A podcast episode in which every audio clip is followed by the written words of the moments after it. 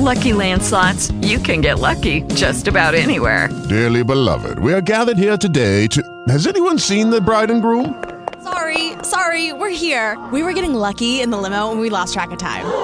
No, Lucky Land Casino, with cash prizes that add up quicker than a guest registry.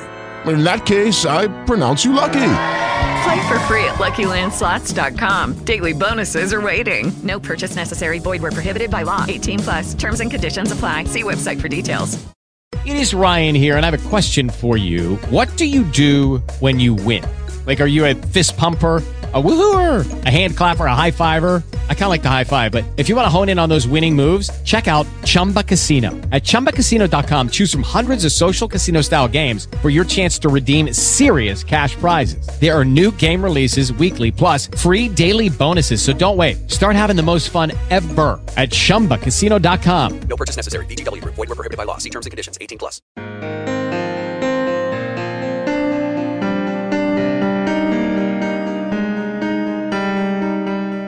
बाटो हो यो सत्यको जीवनको प्रेमको पिता पुत्र र पवित्र आत्माको सुसमाचार हो यो ख्रिस्टको आओ सुनाऊ गाउँ सहर तराई पहाड नेपाल अनि विश्वभर यात्रा हो यो क्रुसको। जयमसी साथै हार्दिक स्वागत छ श्रोता क्रसवे रेडियो मिनिस्ट्रिजको कार्यक्रम क्रुसको यात्रामा। श्रोता बाइबल वचनले भन्दछ घाँस ओइलाउँछ फुलहरू झरिहाल्छ तर हाम्रो परमेश्वरको वचन सधैँभरि अटल रहनेछ। त आउनुहोस् कार्यक्रममा हामी यही जीवित अनि अटल वचन सुन्नेछौँ। आजको वचन खण्ड रहेको छ युहन्ना एक्काइसको एकदेखि चौधसम्म। यसपछि चेलाहरू कहाँ तिबेरियास समुद्रको छेउमा यसुले फेरि आफूलाई प्रकट गर्नुभयो। उहाँले आफूलाई यसरी प्रकट गर्नुभयो सिमोन पत्रुस दिदमस भन्ने थोमा गालिलका काना नगरका नथानियल जब्दियाका दुई छोराहरू र उहाँका चेलाहरूमध्ये अरू दुईजना एकसाथ थिए। सिमोन पत्रुसले तिनीहरूलाई भने म माछा मार्न जाँदैछु। तिनीहरूले उनलाई भने हामी पनि तिमीसँग आउँछौ। तिनीहरू गएर डुङ्गामा चढे तर त्यो रात तिनीहरूले केही पक्रेनन्। बिहान हुन लागेको थियो। यसु किनारमा खडा हुनुभयो तर चेलाहरूले उहाँ यसु नै हुनुहुन्छ भनी चिनेनन्। यसुले तिनीहरूलाई भन्नुभयो बालक हो तिमीहरूसँग केही माछा छ? तिनीहरूले उहाँलाई उत्तर दिए छैन। उहाँले तिनीहरूलाई भन्नुभयो जाल डुङ्गाको दाहिनेपट्टि हान। अनि भेट्टाउनेछौ। तब तिनीहरूले जाल हाने र माछाहरूको थुप्रोले गर्दा तिनीहरूले जाल तान्न सकेनन्। यसुले प्रेम गर्नुहुने चेलाले पत्रुसलाई भने उहाँ प्रभु पो हुनुहुँदो रहेछ। उहाँ प्रभु पो हुनुहुँदो रहेछ। भन्ने सुनेर सिमोन पत्रुसले आफ्नो बाहिरी वस्त्र कम्मरमा लपेटे किनभने तिनले वस्त्र खोलेका थिए र समुद्रमा हाम फाले। अरू चेलाहरू डुङ्गामै बसी जाल तान्दै आए। तिनीहरू किनारदेखि टाढा होइन तर प्राय सय मिटर जतिमा थिए। जब तिनीहरू किनारमा उत्रे तब तिनीहरूले कोइलाको भुङ्रोमा माछा राखिएका र रोटी देखे। यसुले तिनीहरूलाई भन्नुभयो तिमीहरूले भर्खरै पक्रेका माछाबाट केही ल्याओ। तब सिमोन पत्रुसले डुङ्गामा चढेर एक सय त्रिपन्नवटा ठुला ठुला माछाले भरिएको जाल पाखामा तानी ल्याए तर यति धेरै भए तापनि जाल फाटेन। यसुले तिनीहरूलाई भन्नुभयो आएर खाओ। चेलाहरूमध्ये कसैले पनि तपाईँ को हुनुहुन्छ भनी सोध्ने आँट गरेनन् किनकि तिनीहरूले उहाँ प्रभु हुनुहुन्छ भनी जान्दथे यसु आउनुभयो र रोटी लिएर तिनीहरूलाई दिनुभयो र त्यसै गरी माछा पनि दिनुभयो मृतकबाट जीवित उठ्नु भएपछि यसु चेलाहरू कहाँ प्रकट हुनुभएको यो तेस्रो पल्ट थियो। परमेश्वरको वचन। आजको वचन आदरणीय पास्टर अरविन्द पोखरेलज्यूबाट सुन्नेछौँ। प्रभु यशु ख्रिस्टको नाममा तपाईँहरू सबैजनालाई जयमसी छ। आजको वचनतर्फ हाम्रो ध्यान मन अनि हृदयलाई आकर्षण गराउनेछौँ।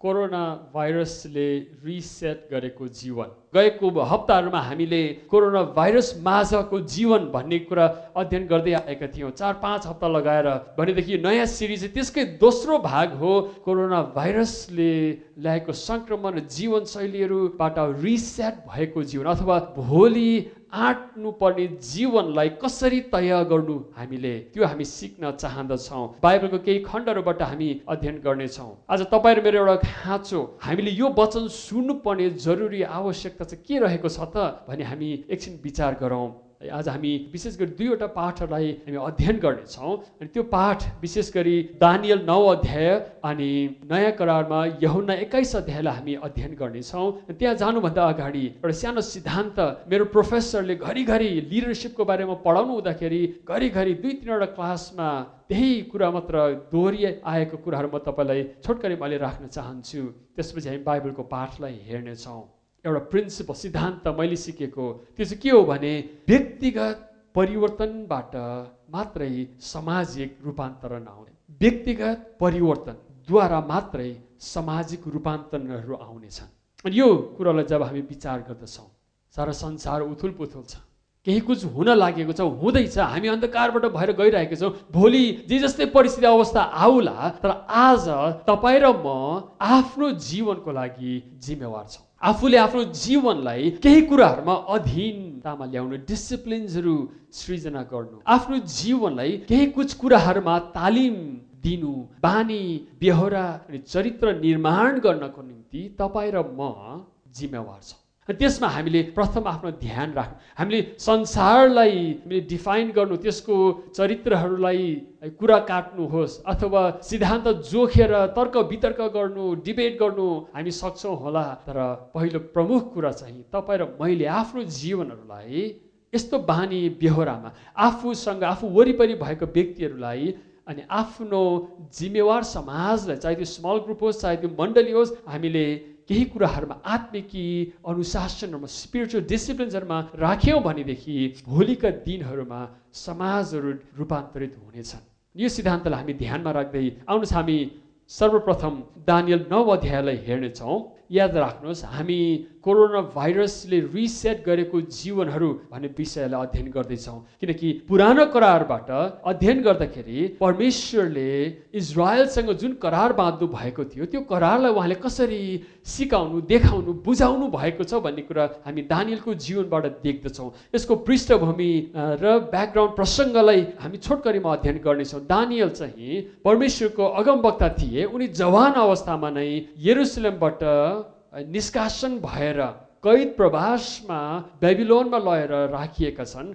पाँच सय छयानब्बे सालमा पहिलो निष्कासनको साथमा एक्जाइलमा दानियललाई यरुसलेमदेखि बेबिलोन लगियो। त्यहाँको राजा सम्राटले जवान हटकट ज्ञानी बुद्धिजीवी व्यक्तिहरूलाई राजा सम्राटको सेवामा लाने गर्दथिए अनि दानियल तीमध्ये एकजना थिए। ऊ र उसको साथी सद्रक मिसक अवेदनीको साथमा उनीहरू सरकारको सेवामा पुगेका थिए। हामीले याद गर्दछौँ दानियल एक अध्यायदेखि हामीले अध्ययन गर्दै गयौँ भनेदेखि उसको पृष्ठभूमिहरूलाई तपाईँले त्यहाँ पढ्न सक्नुहुन्छ। यहाँ यस्तो समय अवस्था छ विश्वमा युद्ध त छँदैछ।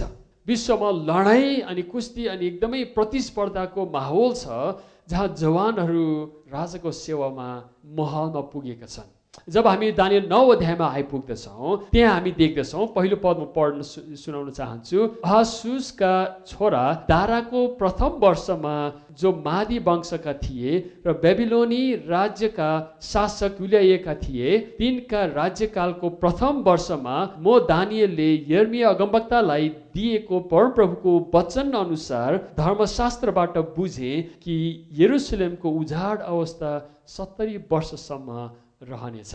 अब इतिहासलाई एकदमै खाँदेर यहाँ लेखिएको छ। ती सबै कुरा म उगाउन व्याख्या गर्नु यहाँ सक्दिनँ। तर यो कुरा मात्र हामी एकछिन विचार गरौँ। दानियलले राजाको सेवा गरेको कम्तीमा पनि पचासदेखि साठी वर्ष भइसकेको छ। तिन पुस्ता सम्राटको उसले सेवा गरेको छ। पहिले नबुक्क नेजर जसले उसलाई यरुसलेमदेखि बेबिलोनमा लग्यो त्यो राजाको सेवामा उसले टहल गर्यो अनि उसको देहान्त भयो उसको छोरा दोस्रो नबुक्क नेजरको उसले सेवा गर्यो। त्यो हामी अगाडिको पान्नाहरूमा पढ्न सक्दछौँ। अनि यो एक अध्यायले भने जस्तै अब चाहिँ आसुसको छोरा दाराको प्रथम वर्ष है जुन चाहिँ फारस र मादीहरूको राज्य शासनकाल सुरु भएको छ। तेस्रो सम्राटको राज्य शासनकालको पहिलो वर्षमा भनेको छ। दानियलको पहिलो वर्ष होइन।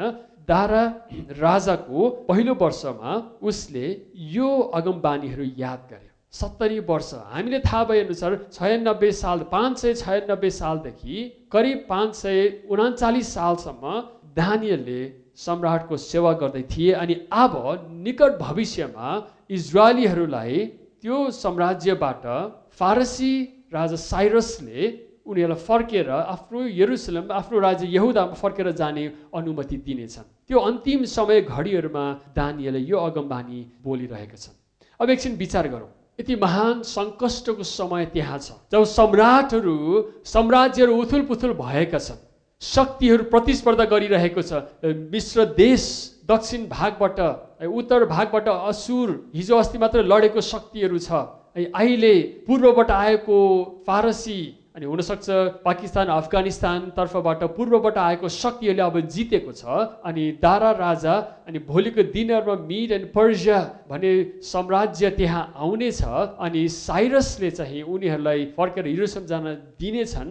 अनि यो समय माहौलमा विश्व है साम्राज्यहरू उथुल पुथुल भएको छ लडाइँमा छ जहाँ सेनाहरू लडिरहेका छन् सेनापतिहरू शक्तिमा आएका छन्। अनि मानिसहरूमा ठुलो डर त्रास छाएको छ कि हामी बाँचौँला कि नबाँचौँला तर दानियल परमेश्वरको दास ती सबै माझ बिचमा बसेर अगमबानी बोलिरहेको तलको पदहरूमा हामीले हेऱ्यौँ भनेदेखि यर्मी अगमवक्ताको बानी अनुसार सत्तरी वर्षको समयकाल निष्कासनमा सिद्धिएपछि हामीहरू फर्केर जान्छ। अनि त्यसपछि फर्केर जाने समय आइपुगेको थाहा भएर दानियलले प्रार्थना गरेको हामी चार पददेखि तल देख्दैछ मैले पाप स्वीकार गर्दै परमप्रभु मेरो परमेश्वरलाई प्रार्थना गरेँ हे परमप्रभु महान र भययोग्य परमेश्वर।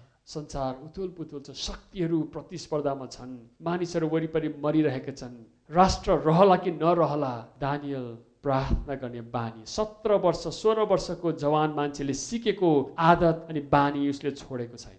एक अध्यायदेखि अध्ययन गर्दै आउनुभयो भनेदेखि दानियलको जीवन शैली हामी त्यहाँ देख्दछौँ। उसको जीवनहरू यस्तो भ्याल्युज र प्रिन्सिपल्सहरू यस्तो सिद्धान्तमा यस्तो आत्मिक अनुशासनमा अडिएको छ। संसार भूकम्पले उल्टिए तापनि ऊ डगमगाउँदैन। किनभनेदेखि उसलाई थाहा छ उसले कहाँ आफ्नो विश्वासलाई अडाइराखेको छ।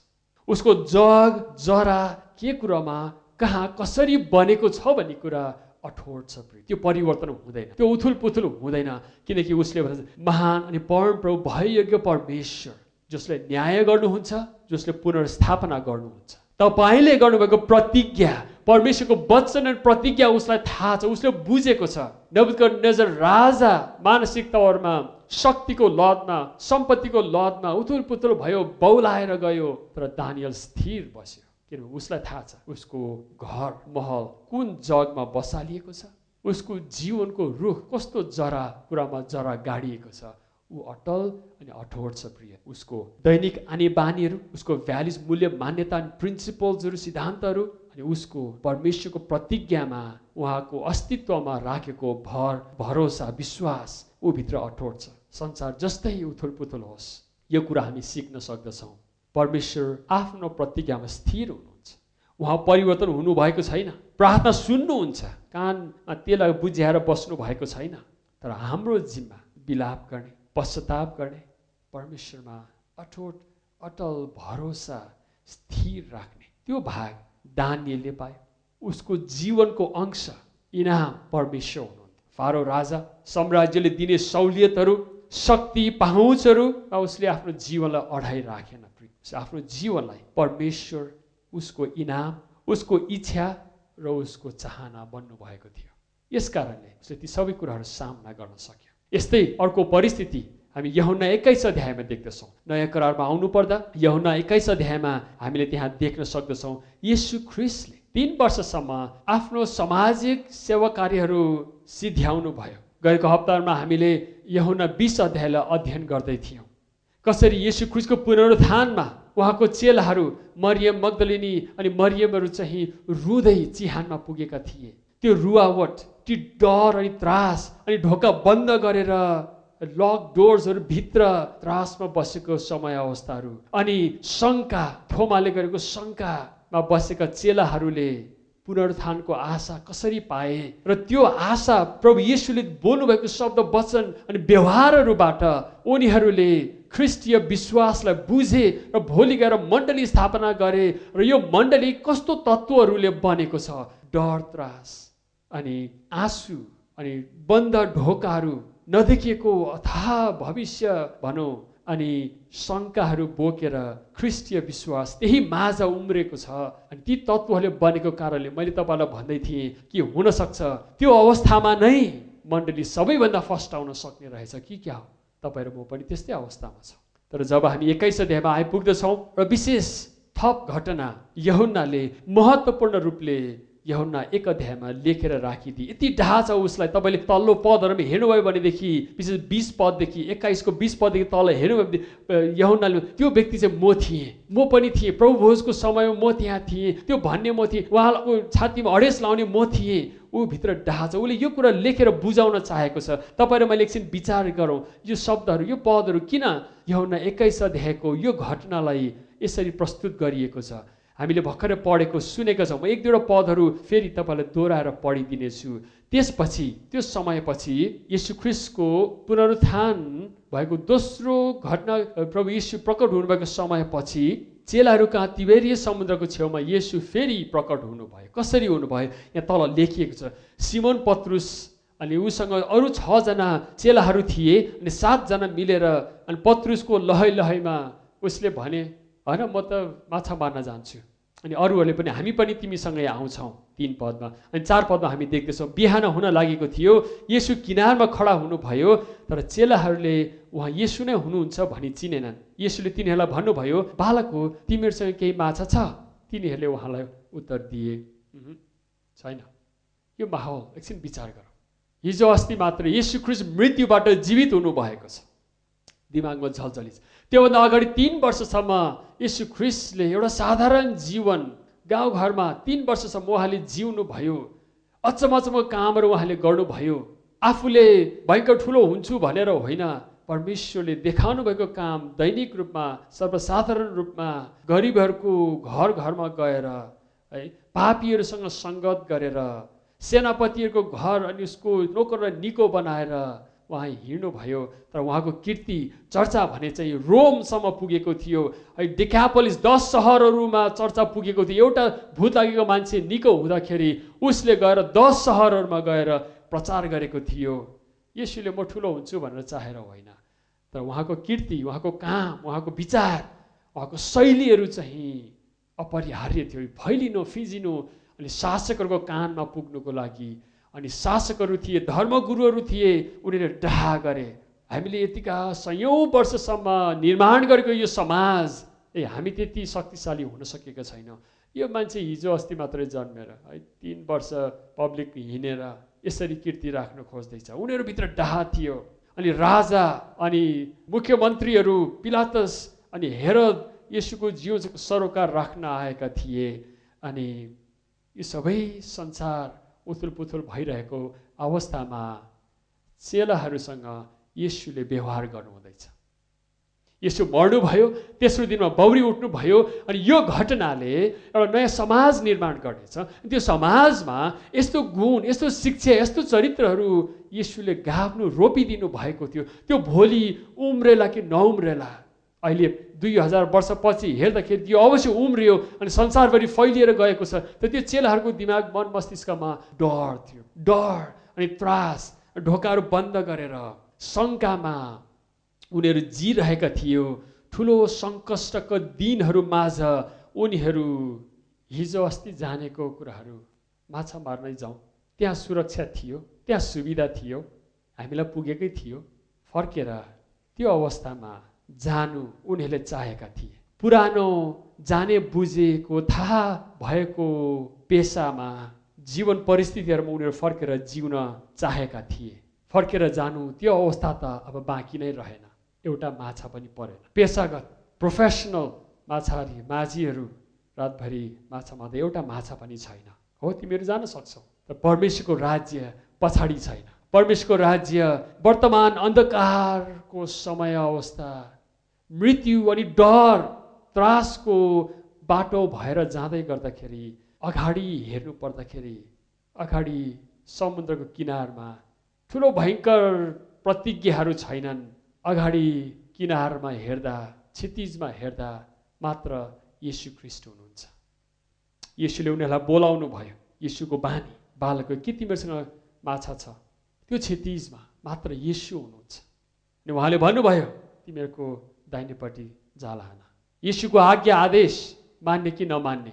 आफ्नो घमण्ड अहम छ डर त्रास आफ्नो अतीत आफूसँग छ न्यास्रो छ अनिदो रात छ कालो अन्धकार छाएको छ आज्ञा पालन गर्ने कि नगर्ने? यीशुको आवाज सुन्ने कि नसुन्ने? उनीहरूले मा जाल हाने अनि त्यहाँ एक सय त्रिपन्नवटा माछाहरू परे। प्रकृतिलाई अधीन गर्नु यीशुलाई सानो कुरो थियो प्रिय यीशुको मन हृदय भने चाहिँ चेलाहरूको मन मुटु हृदय कहाँ छ? उनीहरूको जीवन भोलि गएर के कुराहरूमा अढेस लाग्नेछ? के कुराहरूमा उनीहरूले आफ्नो जीवनको जग अनि पिलरहरू खडा गरेर आफ्नो जीवन जिउनेछन् भन्ने कुराहरू येसुको ध्यानमा थियो। येसुले भन्नुभयो आएर खाऊ कम एन्ड इट आएर खाऊ येसुको मधुर आवाजमा स्नेहता येसुको सुमधुर आवाजमा सुसमाचारको सत्कार हामी देख्दछौँ। म कहाँ आओ मलाई पछ्याऊ येसुले आफू कहाँ बोलाउनुहुन्छ। अनि त्यो सङ्गत र त्यो सङ्गतिले उनीहरूको जीवन बनेको छ प्रियहरू। चेलाहरूको जीवन मण्डली निर्माण गर्न भोलि यो अभियान लिएर अगाडि बढ्न शासकहरूको डर त्रास छ धर्मगुरुहरूको दबाव छ सतावट छ अनि शङ्का छ हो न हुन्छ हुँदैन। बरु सजिलो त। हिजो जानेकै पेसा सरासर गर्दा हुन्थ्यो नि। उनीहरूले च्यालेन्ज लिनु परेको छ। उनीहरूले रिस्क लिनु परेको छ अगाडि बढ्नु परेको छ। र उनीहरूसँग साथ भनेको चाहिँ येसु हुनुहुन्छ येसुको अतिथि सत्कार। तिमीहरूको रोटी जुटाउन म अयोग्य छुइनँ परमेश्वर जसले चट्टान फुटाएर पानी पिलाउनु भयो जसले मरुभूमिमा न के रोप्न सके न के उम्रन्छ स्वर्गबाट मन खुलाएर चालिस वर्षसम्म उनीहरूलाई हुर्काउनु भएको थियो। भोकले उनीहरू मरेनन्। उहाँले प्रकृतिलाई मोड्न चेन्ज गर्न कन्ट्रोल अधीन गर्न उहाँले सक्नुहुन्छ। र उहाँको मन मुटु हृदय भने तपाईँ र मसँग पनि चेलाहरूसँग जस्तै के तिमी मलाई प्रेम गर्छौ। के तिमी मलाई प्रेम गर्छौ। यीशुको बोलावट त्यही छ। आज कोरोना भाइरसको सङ्क्रमण माझ बदलिँदो समाज बदलिँदो संसारमा तपाईँ र मैले आफ्नो जीवनलाई रिसेट गर्नु हामीले के गर्नु पर्यो? नयाँ कुरा केही पनि छैन प्रियहरू अहिलेसम्म मैले भन्दै आएको कुराहरूलाई फेरि म अवगत गराउन चाहन्छु। मैले हामीले तपाईँ र मैले यो जीवनलाई रिसेट गर्नको निम्ति जीवन कस्तो हुनु पर्यो? हामीले के गर्नु पर्यो त? अँध्यारो नभई ज्योतिको महत्त्व हुँदैन। मृत्यु नभई पुनरुत्थान पनि हुँदैन प्रियहरू। हामी मरणशील प्राणीहरू हौँ। एक दिन मर्नु नै छ। मृत्युको छायामा हामी जिउँछौँ। मूर्ख निर्बुद्धि भएर होइन। तर बुद्धिमान मानिस त्यो हो जसले मृत्युलाई तराजुमा राखेर जीवनलाई उसले जोखेको छ। मृत्युको मूल्य गिन्ती गरेको छ।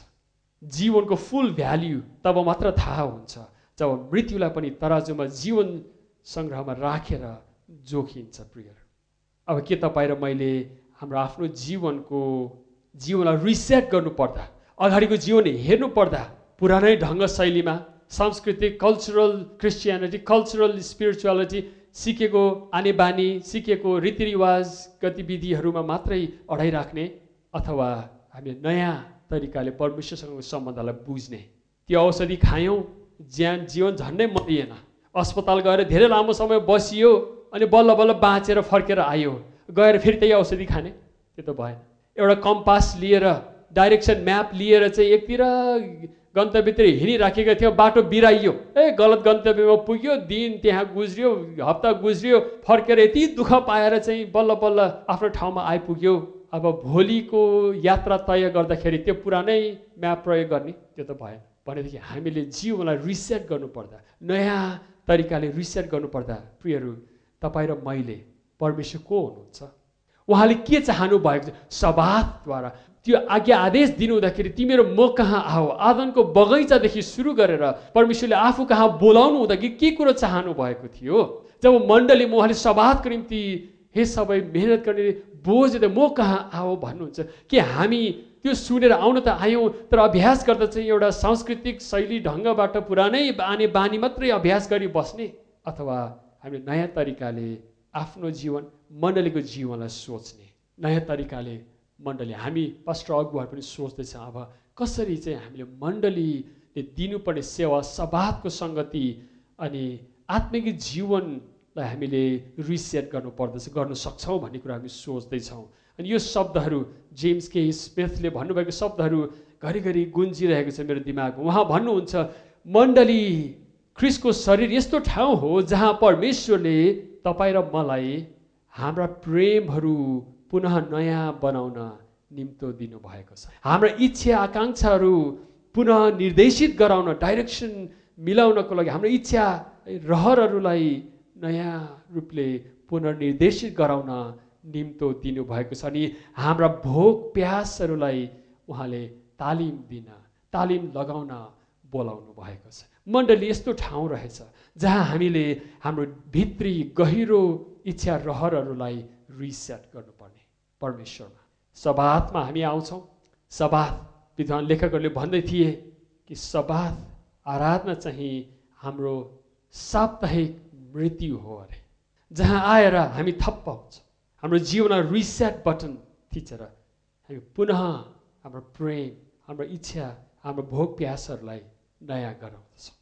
ए प्रभु भोजमा जब हामी भाग लिन्छौँ पाहुल प्रेरितले भने जस्तै यसु ख्रिसको मृत्युमा हामी भाग लिने जब हामी बत्तिसमा लिन्छौँ एकचोटि नै सधैँको लागि हामीले यसुको मृत्युमा बत्तिसमा लिएका थियौँ। पाहुले रोमी पाँच अध्यायमा भन्नुहुँदछ त के हामी अब पापकै लेखी जिउने? होइन त्यसो नहोस्। हामी यसु ख्रिसको निम्ति जिउँदछौँ अनि उहाँ आत्मा हुनुहुन्छ हामी आत्मामा जिउँदछौँ। हाम्रो इच्छा रहरहरू परमेश्वरको आत्माले हामीमा हालिदिनु हुँदछ। जब जब हामी मण्डली आउँदछौँ त्यहाँ हामीले नयाँ कुराहरू सिक्दछौँ। हामी नयाँ बनेर जिउन तालिम लिँदछौँ अनि जीवनलाई अभ्यासमा यसरी लगाउँदछौँ। प्रिय राजा तपाईँ र म यो बाध्यात्मक सभामा घर घर बसिरहेको अवस्थाहरूमा दानियले जस्तै परमेश्वरमा स्थापित गरिएको जीवन रिसेट गर्नुको यसु ख्रिसको जीवन जस्तो थियो। मानिसले राजा बनाउन चाहँदा पनि उहाँलाई लालच भएन। ठुलो ठुलो परीक्षाहरू आउँदा पनि मृत्युसम्मै जानु पर्दा पनि उहाँ डगमगाउनु भएन। उहाँको जीवन यस्तो चट्टानमा बसालिएको निर्माण भएको थियो जसले जीवनको समय अवस्थाहरू सबै धान्न थेक्न सकेको छ सहन सकेको छ। अनि त्यो जीवन उहाँले चेलाहरूलाई दिनुभएको छ जसले यस्तो केन्द्रित मण्डलीहरू स्थापना गरे अनि उनीहरूले रिसेट गरेको जीवन र मण्डली जहाँ तपाईँ र म आबद्ध छौँ हाम्रो इच्छा आकाङ्क्षाहरू हाम्रो खोज भविष्यहरू हाम्रा प्रेमहरू र हाम्रो सेवा परमेश्वरलाई दिने हाम्रो जीवन कार्यलक्ष्य मिसनहरू रिसेट हुन सकुन्। जब उहाँ हाम्रो लालच हुनुहुन्छ तब सबै संसारले जे जस्तै परिस्थिति ल्याए तापनि हामी अडिक रहन सक्नेछौँ। परमेश्वर पवित्र आत्मा तपाईँ र मसँग हुनुहुन्छ यही कुरा प्राप्त गर्नको लागि उहाँले आशिष गर्नुभएको होस् जय मसी प्रिय श्रोता आशा छ आजको वचनबाट तपाईँ आशिषित हुनुभएको छ। हामी कार्यक्रमको अन्त्यमा आइसकेका छौँ। यदि तपाईँहरू कुनै खोजमूलक प्रश्न साथै येसु ख्रिस्टको बारेमा अझै जान्न चाहनुहुन्छ भने हामीसँग सम्पर्क गर्न सक्नुहुन्छ। पत्रचारको लागि हामीहरूको ठेगाना यस प्रकार छ। PO box eight nine seven five EPC seven nine zero PO box eight nine seven five EPC seven nine zero यदि तपाईँहरू हामीलाई फोन मार्फत सम्पर्क गर्न चाहनुहुन्छ भने हामीहरूको फोन नम्बर यस प्रकारको छ। Nine eight two four three one four six five four. अन्ठानब्बे चौबिस एकतिस छयालिस चौन्न। साथै अन्ठानब्बे तेह्र सतासी त्रिचालिस छैसठी। Nine eight one three eight seven four three six six.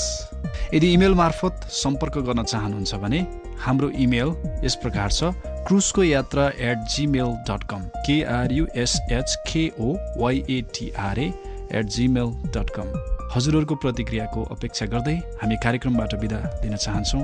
अर्को हप्ता फेरि भेटौँला। जय मसी